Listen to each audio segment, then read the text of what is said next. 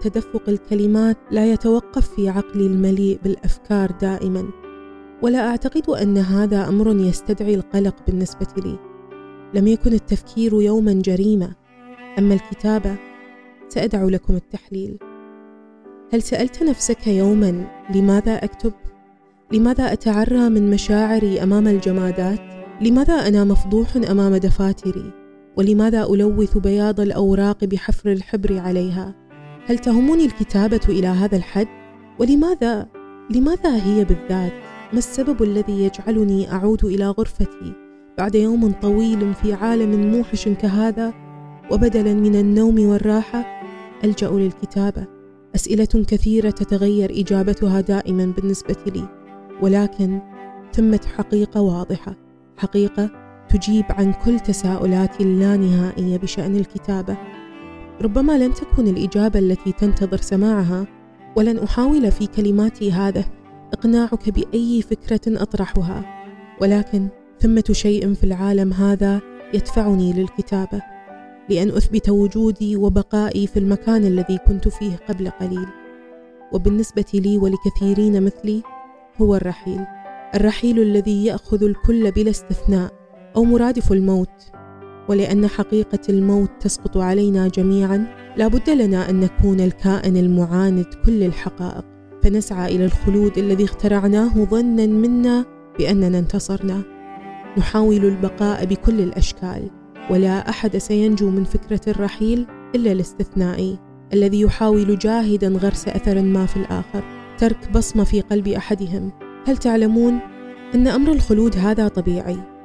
نحن البشر نحاول الخلود منذ مدة طويلة جدا منذ أن وجد الإنسان وهو يبحث عن إمكانات الخلود. فهو كائن لا يريد الفناء ويتمنى لو عاش بشكل أبدي. يكفي للمرء أن يقرأ تاريخ الطب ليكتشف المجهود الجبار الذي بذلته الإنسانية لإيقاف الألم. ومن ثم الموت أو أن يقرأ ملحمة جلجامش التي تعتبر إلى يومنا أعظم ملحمة تاريخية عرفها الإنسان. جلجامش الذي سعى إلى الخلود بأي طريقة ممكنة والذي ابتلعه الموت في النهاية لكنه بقي خالدا بطريقة أو بأخرى. وأنا هنا الآن أكتب هذا النص مليء بكل أسباب الكتابة والقراءة والاستمرار. أنتشل الحروف من هاوية الأفكار المتشابكة في عقلي فأسطرها حسب ما أشاء بلا قيود الأوزان.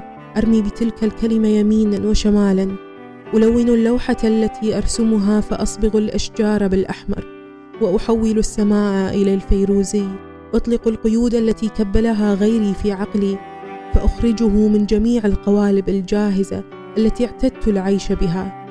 وكأني تلك الطفلة الطائشة التي تمسك بأقلام الحبر الموضوعة على الطاولة وبأناملها الصغيرة تبدأ التلوين خارج الخطوط غير مكترثة بالحواجز. هذا ما أفعله بالكتابة. أما هي وبفعلي أنا فتفتح لي باب القفص الصدر لأطير فوق المكاتب متحررة حتى من فكرة وجودي على هذه الأرض.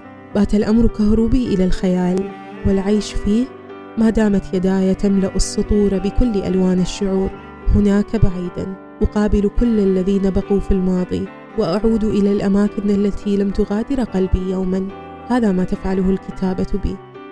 يقول سعود السنعوسي في الكتابة أحارب النسيان والموت لأني أخاف أن أنسى أو أنسى فالكتابة تمنحني فرصة مخاطبة الأحياء بعد موتي يتعرفون من خلالي إلى زمن بعيد ماذا تفعل أنت بالكتابة؟ وماذا تفعل بك؟